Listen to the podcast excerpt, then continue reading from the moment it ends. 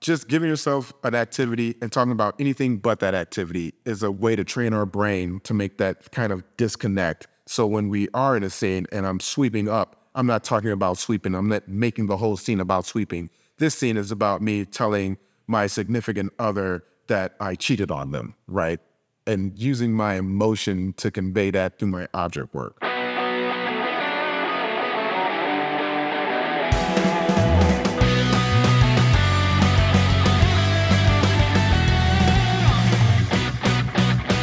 Patrick Rowland is a writer, comedian, improviser, and actor from Chicago, now residing in Los Angeles. He has studied and taught at the Second City and IO Theater, and is a traveler, performer, and teacher.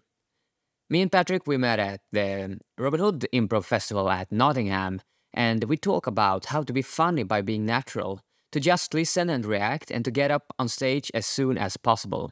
We talk about to not let stuff die in class, to commit when you look stupid, and why it can be beneficial to start doing improv when you are older. We also talk about tattoos, astronauts, and two truth and a lie. This is episode 45 with Patrick Rowland on Don't Be Funny. You have been performing and improvising for like 20, I don't know, how, how long? Since 2006. Yeah. So, Okay, oh, so- God. Sorry, just had that thought. Yeah, 17 years, I want to say. Yeah, that's a long time. That's as long as I've done anything. One thing, anything. I've never committed to anything that long. Right? Yeah. So, so, so the, the saying about uh, not being funny on stage, has it always been for that for you, or is it like a new discovery or something that maybe have landed? Yeah. Landed? I think it landed with me, I want to say, like, so I've been doing this for 17 years. I'd say with after eight years, it landed with me of like, stop trying to be funny. Um, because I'm, I was always like the class clown. I was always wanting to make people laugh. And that's what kind of drew me to improv when I saw a show uh, during the Chicago Improv Festival was like they were just making people laugh. And me not understanding it was just like, oh, they're just trying to be funny and they're funny. And I thought it was like something like either you got it or you don't, right? Either you're funny or you're not. So I would go through great pains to like make people laugh and be funny in my shows where I would like uh, think of a funny premise during the week. And then when my show came up, I would try to push that premise into the show. And it would always, nine times out of 10, wreck the show and throw everything off because it wasn't me being in the moment. It was me just trying to plot this thing out and like deliver this line. I was like, oh, I'm known to get a laugh. And I'd get a chuckle here, a chuckle there, or it'd be dead air. And like my scene partner would be like, what, what, what's happening? And it would throw me off and then everything would go downhill. Um, and then there was one show where I just had a natural reaction myself, not the character I was playing, but it was just me reacting to what was said to my character. It was so natural. It was just a small thing of just me going like, what? And the audience blew up with laughter. Like we had to wait. And I was just like, what did I do? What? Oh, the thing my instructors have been telling me and my coaches have been telling me all these years of like just being in the moment and just being honest. That's what got it. And I was just like, let me try that again. This whole just listening and reacting without plotting out or trying to be funny. And it, it just kept getting big laughs. I just kept getting big laughs. And I was just like, stop being funny. Don't try to be funny. Be in the moment. So yeah, that's where it landed with me. Because um, that's uh, interesting to, to hear also that you like kind of planned the premises during the weekends and because that's also a skill maybe I, I, I don't know or like the writer's brain as well like which is because everyone is uh, for me in a way a lot of people give, give the advice that I should do a sketch uh, class or like you learn how to write uh, a sketch and that also that uh, empower the improv side of it which I guess it does if you do an Harold or whatsoever like in the third or second beat. Oh yeah. because that skill to, to, to, to write premises and to want to be funny and to write a premise like how do you balance? Yeah, so I, am glad you said that because it was like, um, I said like I've figured it out like seven, eight years in, and it's also this light bulb moment. It's like right around the time I was going through the conservatory program at Second City because I was chasing the Second City carrot. It was like, oh, well, if I go through the conservatory program, maybe that'll fast track me to get on their touring companies and to get on their resident stages. And as I was doing conservatory, what they were teaching at Second City is using improv to create sketch. Um, and also, when I first started comedy in 2006, I started in the writing program at Second City. I was like, I'm going to be a writer because I ain't getting on that stage. I'm too shy and scared to do it. Um, but then I actually did get on stage. I was just like, ooh, I want this. And I kind of like let the writing fall behind. But when I did conservatory, it helped me figure out like, you know, using improv to be in that moment and discover something good and, and a great premise. Um, and then I can go home and take that premise and refine it and shape it. And that kept, I think that satisfied the thing in my brain of like wanting to be funny at the drop of a hat of like, oh, I can be in the moment in an improv show and find this great hilarious scene and then take that whole premise and all like some of the funny maybe lines that were said and create a sketch from that and then it will fulfill my writing half of the brain uh, where I can like all the cool funny premises or jokes I thought of, I can throw those in a sketch rather than do that on the stage in an improv show. Yeah, rather than vice versa. Yeah. And that's also like what is in my head and in my knowledge anyway, what is what it is from the beginning. Like do improv to generate sketch material, not the, the other way around. Yeah, exactly. Not write sketch on the spot. That's not what you do. You do improv and then you need to be present and reacting and discover whatever will come up. And that material you can use and refine and using yep. your writing brain. But but then like I don't know connections, third beat, uh, second beats, or premises from an opener. Mm-hmm. That must be something that you benefit of the conservatory program and the mm-hmm. skills that you use. Yeah, it definitely helps. Like when you're like writing a sketch or even writing uh, a, a, a show, a, a, a pilot for a TV show or for a sketch show, keeping that in mind of how like you know following a A plot or B plot um, or C plot. Uh, like if that's a Harold, right? That's like a lot of TV shows follow that structure, whether it be like Seinfeld or whatever. Like they have that kind of structure of uh, the first beat, second beat, third beat to create like this unified world or piece. Um, so yeah, I, I I think there's they go hand in hand a little bit, but uh, they definitely need to live on their own. Not own, because I feel like you can do a little bit of improv in the sketch, within a sketch. You have like a nice little structure to live in within a sketch of like, we're gonna say these certain lines that we know get laughs, and then we have like this little slot where we can play around and discover something new and then go right back to the structure. Um, but not doing that improv wise of like, oh, we're gonna improvise and then we'll have this one sketch part because improv takes you so many different places, you may not be able to get to that written part. Right. And and now when I'm thinking of it, it's as you said, maybe the thing that you planned during the weekends uh, mm-hmm. Uh, when you began to improvise was maybe like sketches almost, when mm-hmm. you really need to control the other improviser what they are supposed to say. But the premise is, of course, just like the base reality in something funny, or like just the starting point, as in this conversation like being funny on stage is the starting point and we will see wherever we land it's just yeah. this starting uh, point and of course that is skill that is a skill that you can use. Mm-hmm. uh, but it's interesting to hear that you like in my interpretation had pre-written scenes almost. I did. It was bad. It was bad. Like i did a lot of bad shows and a lot of shows went off the rails because of me doing that. Uh, um, but also it goes in that vein of like that's how I actually learned. Like you can take as many classes as you want to, but uh, a lot of stuff like that really stuck with me was things I learned on stage, either succeeding or failing at. Of like, oh, like I thought of a funny knock knock joke. Let me try to put that in the show. That didn't work. All right, maybe I shouldn't do that anymore. Uh, um, and doing something else. It's like, oh yeah, when I had that natural reaction, that got a big laugh. Maybe I need to do more of that. Um, I can have, I, like I said, I had instructors telling me that for years as I was taking classes, and it never stuck until it actually I was on stage and saw it in action. And that's very interesting that you can hear that kind of stuff and you can get the notes. That is a big difference to experience yourself. Yeah. Or like when it stucks in you or in your body or in your mind. And then it's is when the shift occur. Mm-hmm. And I, I guess that's only subjective uh, uh, in a sense uh, and, and just time. Yeah, time.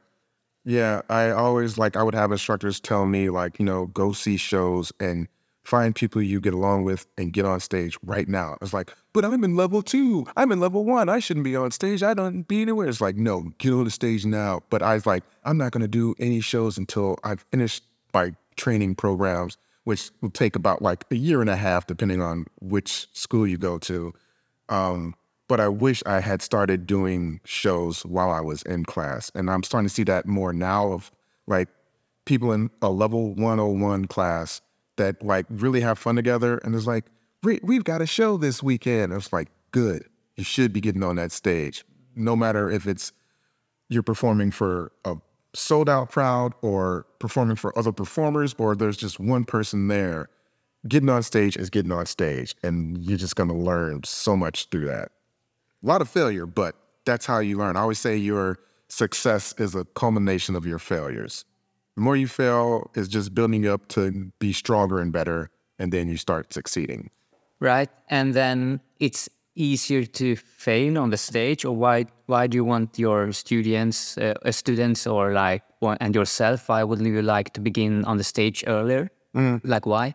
Because it, it's that's just how you're gonna learn. Like I think it hits harder because when you when you fail in class, which is a great place to fail, like you're supported and you feel that love and you're just like, okay, but I feel like it could dampen that failure of like it didn't, it won't stick with you. When you fail on stage, you're like, oh my God, that was such a crappy show. What happened? Oh, I wasn't listening. I wasn't that. I'll make sure that never happens because, like, to fail on stage, I think it just hits harder, you Right. more importance because you're on stage than you would in a class. And also when you succeed, as you said, when you reacted genuinely Yeah. surprised about in the in the scene after eight years of improv, and the crowd and you and the thing you did was just honestly reacting. Yes, exactly. You said this. Uh, I, I like that. Um, two two truths and a lie. Mm-hmm. Uh, can you go through them again? Yeah, so this is something I learned in conservatory. Uh, um, I think it was uh, passed down to me from my instructor, uh, Norm Holly, uh, but it, he got it from uh, one of the founders of Second City, I think. Something you can fact check, uh, Bernie Sahlins. But it say like, treat your characters and your scenes like two truths and a lie. One truth is uh, a truth of yourself. You always bring a part of yourself to any character you create, any scene you're in, because you're creating it. So some part of you is truthfully in that character, in that scene. Anything you know, your character knows, and you filter it through that character's voice.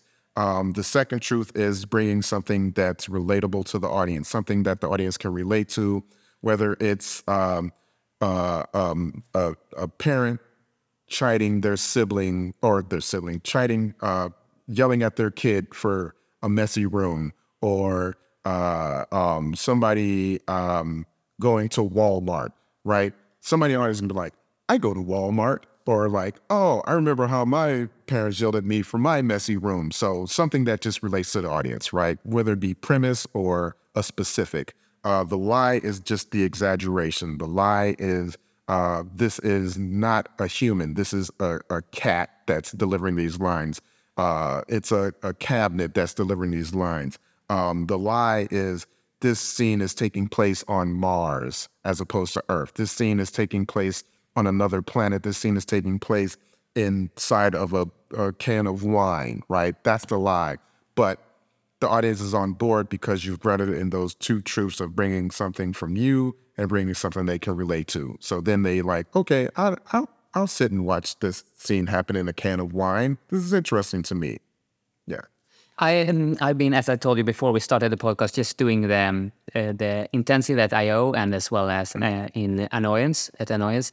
And my my big lesson from my whole uh, Chicago trip has been like to play truthfully in the scenes, to build a relationship, and to act like this is the normal uh, world, and still like find the comedic uh, gold within it. Um, if it's a mistake or if it's like something a curveball or whatsoever, and I think these uh, the true the two truths and a, a lie is like concluding that Yeah. that uh, spoke to me very well, and I really uh, really like it because yeah, it does make you to treat it as real as you can, but it's still like something odd, and it's still like improv because in improv, why why why not take the opportunity to play something that we can't do in our real life? True. And you also have made two tattoos on your wrist. Yes. I think that's uh, funny because I am thinking of if I, I had I have none tattoos, but if I would have made one, it would have been improv related. Yeah, so on my uh, left wrist, I have yes and, uh, and it's in my handwriting, and I had that tattooed on my left wrist, and on my right wrist, I have listen. Um, I have these because, like, um, it's not just because I'm a super nerd for improv, but because, like, the things I learned in improv have literally changed my life. Uh, I uh, was or was I am still a shy introvert person, but I'm more I'm less shy now because of improv. It, it helped me to open up to people and talk to people. Um, it helped me find so many great lifelong friends. Um, it's something that should be, I think, taught in schools because there's like aspect of working with others, team building, um, building on each other's ideas, being open to hear people. Like the listening is so strong to me. I think they say yes and is like the big rule of improv. I think listening comes first because how can I yes and you if I haven't heard what you said, right? So I think listening is the big number one rule. Um, and it just helped me in outside of improv to like I would be in conversations and instead of listening, I was waiting for my turn to talk. And so whatever they were saying, I was like, yeah, yeah, yeah, whatever. I got this great thing, right? Now I tend to listen more. I still need to work on it. I can ask my wife, um, but I still uh, I I listen more and not just like listening. I hear you, but like listening and understanding what you're telling me by um, studying your physical your physicality, how you're holding yourself, what your facial expression is saying. There's so many little small things that we do that says way more than words. And you can listen not only with your ears, but oddly enough with your eyes by just checking out what the person's body language, all that, right? Um, what is it? 90% of communication is uh, physical and not verbal. Right. Do you also like me in listening on if it's the improviser who are tell it's the the concept of listening is so broad in improv terms. As it's as you say it's not only uh, through the what what the words are saying it's the body language the communication but it is also like the improv show listener in a sense. Yeah. or like uh, so, so I, I think the concept is so broad in listening and how do you like practice that I don't know meditate uh, Uh, meditate meditate, I don't. I need to. Um, but I would like strike up conversation, or if I'm in a conversation, I'd be like, "Wait, I'm in the conversation. Get out of your head. Just listen. Shut up and listen to what they're saying." Um, and I think what helped me with that too is uh, the there's this exercise uh, I did in Rachel Mason's class at IO years ago, where we partnered up with somebody else and we would just look at each other, and eye contact for me is no, thank you. Uh, but I was forced to make eye contact with my uh, partner, and it's something so intimate about eye contact. Because if you talk to people normally, they're looking every other way except right at your eyes, and you hold eye contact. I f- you find yourself being more engaged in the conversation, right? Um, and you just picking up on any small nuances. Like I just saw you furrow your brows, just like you're really listening intently, right? Uh, so I can pick up on that now. Uh, and I found like I would practice that just by having conversations. I would talk to coworkers and like really like engage in conversation with them, and they could tell too. They're just like, "Oh, wait, you're paying attention to what I'm saying, right?" Uh, and then they start giving out more information. Um, yeah, so that's a way I would practice. Um, I think meditation could be good too. Just sitting down and just like being. Yeah, observe when you're thinking, and then remind yourself that oh, I'm thinking instead of experience yeah, my breath or my body now or whatsoever. Yeah. And it's the same, like equal that in the scene. Oh, I'm thinking of my next move instead of listening to what my partner are saying. So experience what my partner are saying Yeah. right now. And I think that, like, when you do listening in the scene, you need to, when you're speaking now, I'm thinking of the the trust as well, like to trust that the scene will turn out, because that I think that that i- there uh, that is where I maybe am struggling. Like I I might know the the craft of listening if I really really uh, put my effort for it, like to listen in the scene. But why I'm not doing it, I think, is because I might not trust that the scene will go Yeah. and be entertainment entertaining. Is that something that resonates with you? Like Oh, first, Sure. Um, I am an improv snob. I admit it. And I used to be really judgy uh, when I would get into scenes of like, uh, I hope this person can hang with me because like I like I know my shit. I know how I, I know how to improvise. They better be able to hang with me. Um, and I found myself not trusting. And then of course the scene would go kaput because I wasn't trusting them, although they were trusting me. So now I go into scenes and no matter who you put me in a scene with, it's like I trust you're going to listen to me. I trust you're going to make me look good. Um, and if it turns out to be not, which can happen, I know how to make them look good. it's like, well, even if they're not listening to me, I'm listening to them and I will like whatever they do, then I will support that and it makes them look like a rock star. And I found when I do that, they'll see that, which is like, oh, I got that laugh because he Patrick set me up to get that laugh. Let me do the same. It's like that. It's that energy of it. It's contagious, and when it's going right, uh, um, I see like I can see the light bulb pop in somebody's head of like, oh, that's how I'm getting the laughs. Let me do the exact same thing for them and make them get the laugh, right? Um, you should not, audience should not walk away from a show saying that one person was hilarious, the other person wasn't, right? That one person was carrying the whole show, that person wasn't. It should be like, they had a great show. I can't tell you who's the breakout star. They're all equally great. Um, that would be that would what's makes a great improv show. It's just me making the other person look great and them doing that for me. But yeah, I used to definitely like be uh judgmental of who I'm in a scene with. It's like, oh, they're not on my caliber. I shan't improvise with them. Uh, now it's just like, put me on the stage with anybody. Put me on the stage with anybody, and we're gonna crush it. I think a great person who does that is TJ Jagodowski, uh, Tara DeFrancisco. Like they are amazing at making the other person look great, but the audience can't even tell. They just think, oh, that person's an amazing improviser. Uh, but there's like just small things that they're doing to tee them up to make them look great. like setting them up for that Yeah. listening and just go with the Yeah. And that, that was like one of the things too, like I got from Rachel Mason. Uh, I'm just dropping names left and right, but uh, um, I, I said that in the class of like, if you're in a scene with somebody, and like, I say I make you an astronaut, and you say, no, I'm not. I'm a librarian. I'm gonna go. You know what? You're right. I was just I was thinking of so and so or whatnot. I will justify it and go with what you're you're putting out. Um, because that still just makes you look great and it doesn't make it look like, oh, this person isn't listening to the other one.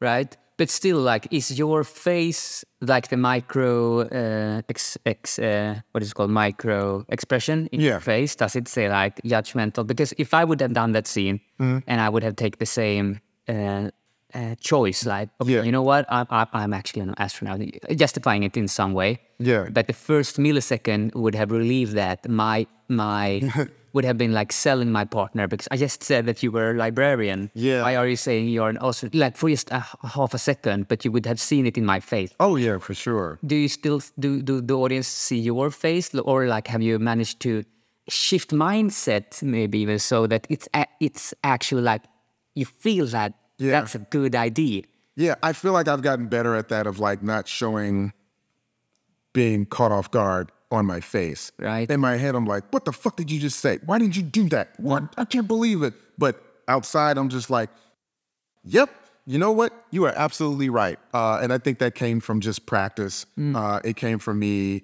uh, I grew up on the west side of Chicago, and it was a very rough neighborhood. And it's like one of those things of like, it was frowned upon to just be silly and have fun. Oh. Uh, you have to be super serious sometimes. Um, and so when I started doing improv and we were doing things of like, you're gonna be a tree and you're whooshy, and I would like, uh, I said in class, like, I was just like on my face, I was just like, ugh. You could see on my face like, this is so stupid. I don't want to be a tree. I feel like an idiot. I'm a grown, I'm a grown man. Why am I doing this? And the instructor stopped us and was just like, it looks like you don't want to, you don't want to do this. It's like, yeah, this is stupid. It's like, yeah, when the audience picks up on that, they see that and they think, oh, this guy hates this. I don't like this too. This is silly. This is stupid. Why am I here? Why did I pay this money? Uh, so he's like, you can think it, but on your face, you better act like you're the best tree in the world and you're having a blast. And so he's like, all right, let's do it again. And I did that. And I was like, all right, on my face, I was just like, I'm a tree. And like I said, that energy is contagious. So as I was pretending to like like being a tree, I actually started like being a tree. Especially when I was getting a reaction from people in the class of like, "Hi, oh, that's great." I was just like, "Oh, oh, okay, all right." If I show that, the audience believes it. Um, in my mind, I can think like, "Yeah, that that was a poor choice," or "Ooh, you should have did this or that." But on my face, I'm like, "Yep, that's amazing." That's, Yeah. we we were supposed to do this. Uh, like I say, be confident in it. Show like, oh, there, this wasn't a mistake. We, this is what's supposed to be. Um, and I get a lot of times after shows where people like, you planned that. That was all written. I was like, it wasn't. Right. But we were so confident in it. We act like, oh yeah, I was supposed to do that. That they think it is written. So when you feel stupid or dumb or weird on scene, just commit harder, and do it more, and it will affect your uh, mind and body, and you might Yeah. enjoy it and, and really tap yourself into it. And I think that's a great quality to practice on uh, during um, when you improvise and to put yourself in situation, and also to play with beginner improviser or with other improvisers, because then ex- you might, especially by then, feel like bad in the scene. You don't know, you don't get it, you don't uh, find the sparking thing in the scene, Yeah. and then just commit harder. And it's such a beautiful uh, opportunity to practice if you do have a group. Or that's my reflections anyway from today's workshop as well. Like we're a new group, never played before, and some scenes were flying and some were not. They fall flat, and just dig deep in that flatness of flat it even more, or just stand there and just do it, commit, commit. Uh, Oh, yeah. and it's great um, opportunities to practice these because it's not so often you can actually Oh. you do improvise a lot. Oh yeah. Uh, and Patrick, you also told us to, today that you started to improvise when you were 31, I think. Uh, I found that pretty like comforting in a sense. I started when I was uh, 27, and I I thought that that was like old in a sense, you know. The, th- the thought of like, oh, think if I if I would have began when I was like five, what what long? I have I've been uh, doing like the improv career for so long time. Now I have to start when I'm 27. Uh, Yeah.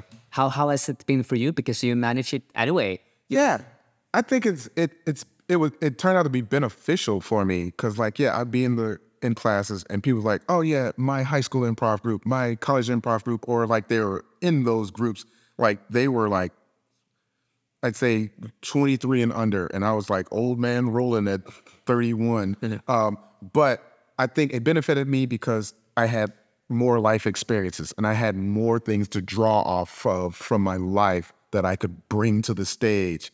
Um, so I found it very helpful. Um, uh, I don't, I'm 46 now, turned 47 next month. I don't feel 46. In my mind, used to look at people in their 40s of like, oh, you're old as hell. You're knocking on 50's door. 50 means 60, 60 means 70. I don't feel 40. I feel like I'm in my 20s. Like my, I- feel like I wasted my 20s uh, working at the post office and smoking weed. Uh, um, and so it's just like all I did was work and smoke weed, work and smoke weed. Probably another reason why I was miserable at the post office. There's other things, but we'll talk about that's another podcast. Um, but I feel like I had so many, so much more life experiences that that helped me, and I didn't look at myself as being the older guy after a while because like they didn't know my age. Like I looked pretty youthful, um, so they thought I was around their age, so they treated me as such, and I think that's what everybody should do for anybody that gets into improv, whether they're 20 or 75. Like treat them just like a person, like you would treat any your other peers in improv that may be your same age. Um, but I think being older gave me a leg up because I had more life life experience, so I had more to draw on that I could add to the scene that the others couldn't. Right, but didn't you feel like I'm I'm too old for this? I don't know. uh, Maybe listeners who are in that age and I think did for a split second. It's like maybe I'm too old for this because like there it can be when I started thinking of doing improv and started thinking like I'm gonna make a career out of this. I'm gonna do Saturday Night Live. I want to be on the main stage of Second City, and I and those institutions. Not I'm not gonna can be a little bit ageist, right? Where they want the younger, fresh, hot person. Um, but I don't know. After a while, I was just like, you know what? I don't. I don't care uh, if people look at me as being old. Maybe I'll be the first person to do this at this age, or the first person to do that at this age. Um, uh, so at a certain point, I just like I just stopped caring what others thought about my age, and I felt like I grew leaps and bounds over those who would judge me because of my age and think I couldn't do this. And those people are still back in Chicago doing their little crappy shows. Sounds so mean. Um, while I'm like flying high and experiencing all, all these other things. It's just like that's their problem if they think I'm too old for this. I'm not. And anybody, uh, it's never too late. I try to get my brother to take improv classes. He's fucking hilarious. He is so hilarious. And I was like, he just needs that that guidance to like focus that that funny. Um, so I think it's like you're never too old to try something new, to have your have your moment. You're never too old for that. No matter how old you are, follow your dreams. I end all my emails with follow your dreams uh, because I believe in that, and you're never too old for anything. Uh, Patrick, what what would you say are because you do also coach? Uh, so what would you say is your? I like to ask this to teachers and coaches. Uh, your top three notes that you often give or want to give, or find most helping to give. Ooh, I know that's a good one. Okay, so lesson number one: uh, don't try to be funny. Right, be in the moment. Um, every time I'm coaching or teaching, and the scene goes off the rails, I was like, "Oh, that was rough." Uh, why do you, wh- why did you make that choice? Why did you make the choice to do this or that? And they always say, I was trying to be funny, right? It's like, look, don't, don't try to be funny, right? So I always say the one is don't try to be funny. That's my first note. My second note is take my notes with a grain of salt. Uh, take, don't take my notes to heart of like, you know, it's the end all be all. This is how it should be, right? No, all my notes are just based off of what I've seen in that moment and my experiences. Uh, you may come upon another coach who gives you a contradicting uh, note. I remember when I was, I was, I love doing characters, so I was doing characters in every scene, and I had a coach tell me, "You play too many characters. Play something a little bit more grounded. Play something more to yourself." So then all I did was just play those types of characters of like just myself for a year. Then I had a coach say like, oh, you play you play a lot to yourself. You should try doing characters like I did, but certain coach so and so said that I shouldn't. It's like, well, I don't know that person, and like I'm just going off what you see. Like, uh, this is just my note, and I found that balance of like I'll play some characters sometimes, I'll play myself sometimes. Um, I'll play myself as a character sometimes. I'll amplify myself and make that a character. It's just like finding what works for you. So it's like any note you get from a coach, from a teacher, be open to hear it, but you don't have to take it as like, this is the end all be all. This is what I have to do from now on in improv. This is, it's only what they are experiencing seeing you and like they're just course correcting you. Um, ultimately, the decision of how you play, what you play is up to you and what you're comfortable with. Um, so I would say rule number two is like, or my biggest uh, second note is like, don't take my note as law. It's just what I'm observing. Just be open to hear it, right? Uh, the third one, ooh, this is the third one I usually tell people. Um, oh, uh, use the environment. Use the environment. Um, we can be anybody on that stage. We can be anywhere on that stage. Why aren't you using that stage, right? why are you just standing there staring at this other person saying witty lines? Why aren't you saying those witty lines while you're uh, washing a dish or fixing a car or uh, um, drinking wine, right? We represent life on that stage to a certain point. Um, and in life, we're not just standing there all the time, just talking and not doing something. We're engaging in some kind of activity sometimes, whether it's smoking a cigarette or drinking a bottle of water or uh, playing with your hair or something. Uh, you're not just standing there, hands at the side. So why not use that environment? It just makes the world more real for the audience and for you and your scene partner uh, to just pick up an object and play around with it while you're having the conversation, whether you're juggling or just checking out things. Um, and it makes the, the, your scene a little bit more presentational uh, and it gives more variety and makes the world more real. Why aren't we doing that? Why aren't improvisers doing more object living in the environment? Because it's hard to do object work and carry on a scene. We have so many things in our head when it, we, we're improvising the scene. We're thinking about what's my character's name? What's my scene partner's character's name? Don't get in an argument. Don't make this a transaction scene. Say yes and. Don't negate what they're saying. Listen. Don't be in your head, right? All these things are going on. Object work, uh, throw that onto it, and our brains just go and it cracks. Um, but you can practice that at home. Um, I uh, may, and maybe this is my fourth thing I tell people, uh, and I learned this from Danny Mora of picking up uh, object, ten objects a day, picking them up with your hand. Uh, you can't see this podcast, people, but I'm picking up my phone with my hand, looking at the placement of my fingers on this device, on my iPhone, uh, feeling the weight of it, right? Then I will set it down and try to pick it up without the object. Uh, 10 objects a day. I did that for a year straight, where like I would be at home and if I'm washing dishes, I would wash the dish, I would put the dish down and try to recreate that without the dish. When I was at work at the post office, I was tying up bags. Um, and then I would step to the side and try to tie the bag without the object. I went from being like horrible at object work to being great. And it just helps you to get that. And when you start getting better at object work, you start doing things of like, all right, I'm going to make a list of activities.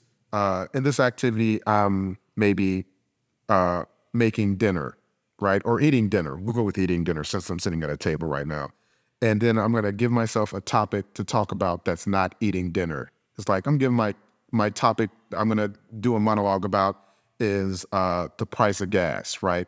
And I'm never going to talk about eating food. So I'll be like, man, I was at the gas station the other day. You can't see these podcasters, but I'm doing great object work. I was at the uh, gas station the other day, and it was literally six bucks. Six bucks for gas. Um, can you believe that? When I was growing up, the highest gas was was 99 cents. And I can't believe, I'm grabbing a salt shaker now. Uh, I can't believe that how much the gas has risen and we're just okay with it. We're just okay with it. And I'm not. I am one of the people, ah, good, great. I'm not okay with this. I'm gonna find a way to talk to my colleagues, so on and so plus, right? So forth. Um, just giving yourself an activity and talking about anything but that activity is a way to train our brain to make that kind of disconnect. So when we are in a scene and I'm sweeping up, I'm not talking about sweeping. I'm not making the whole scene about sweeping. This scene is about me telling my significant other that I cheated on them, right? And using my emotion to convey that through my object work. Right.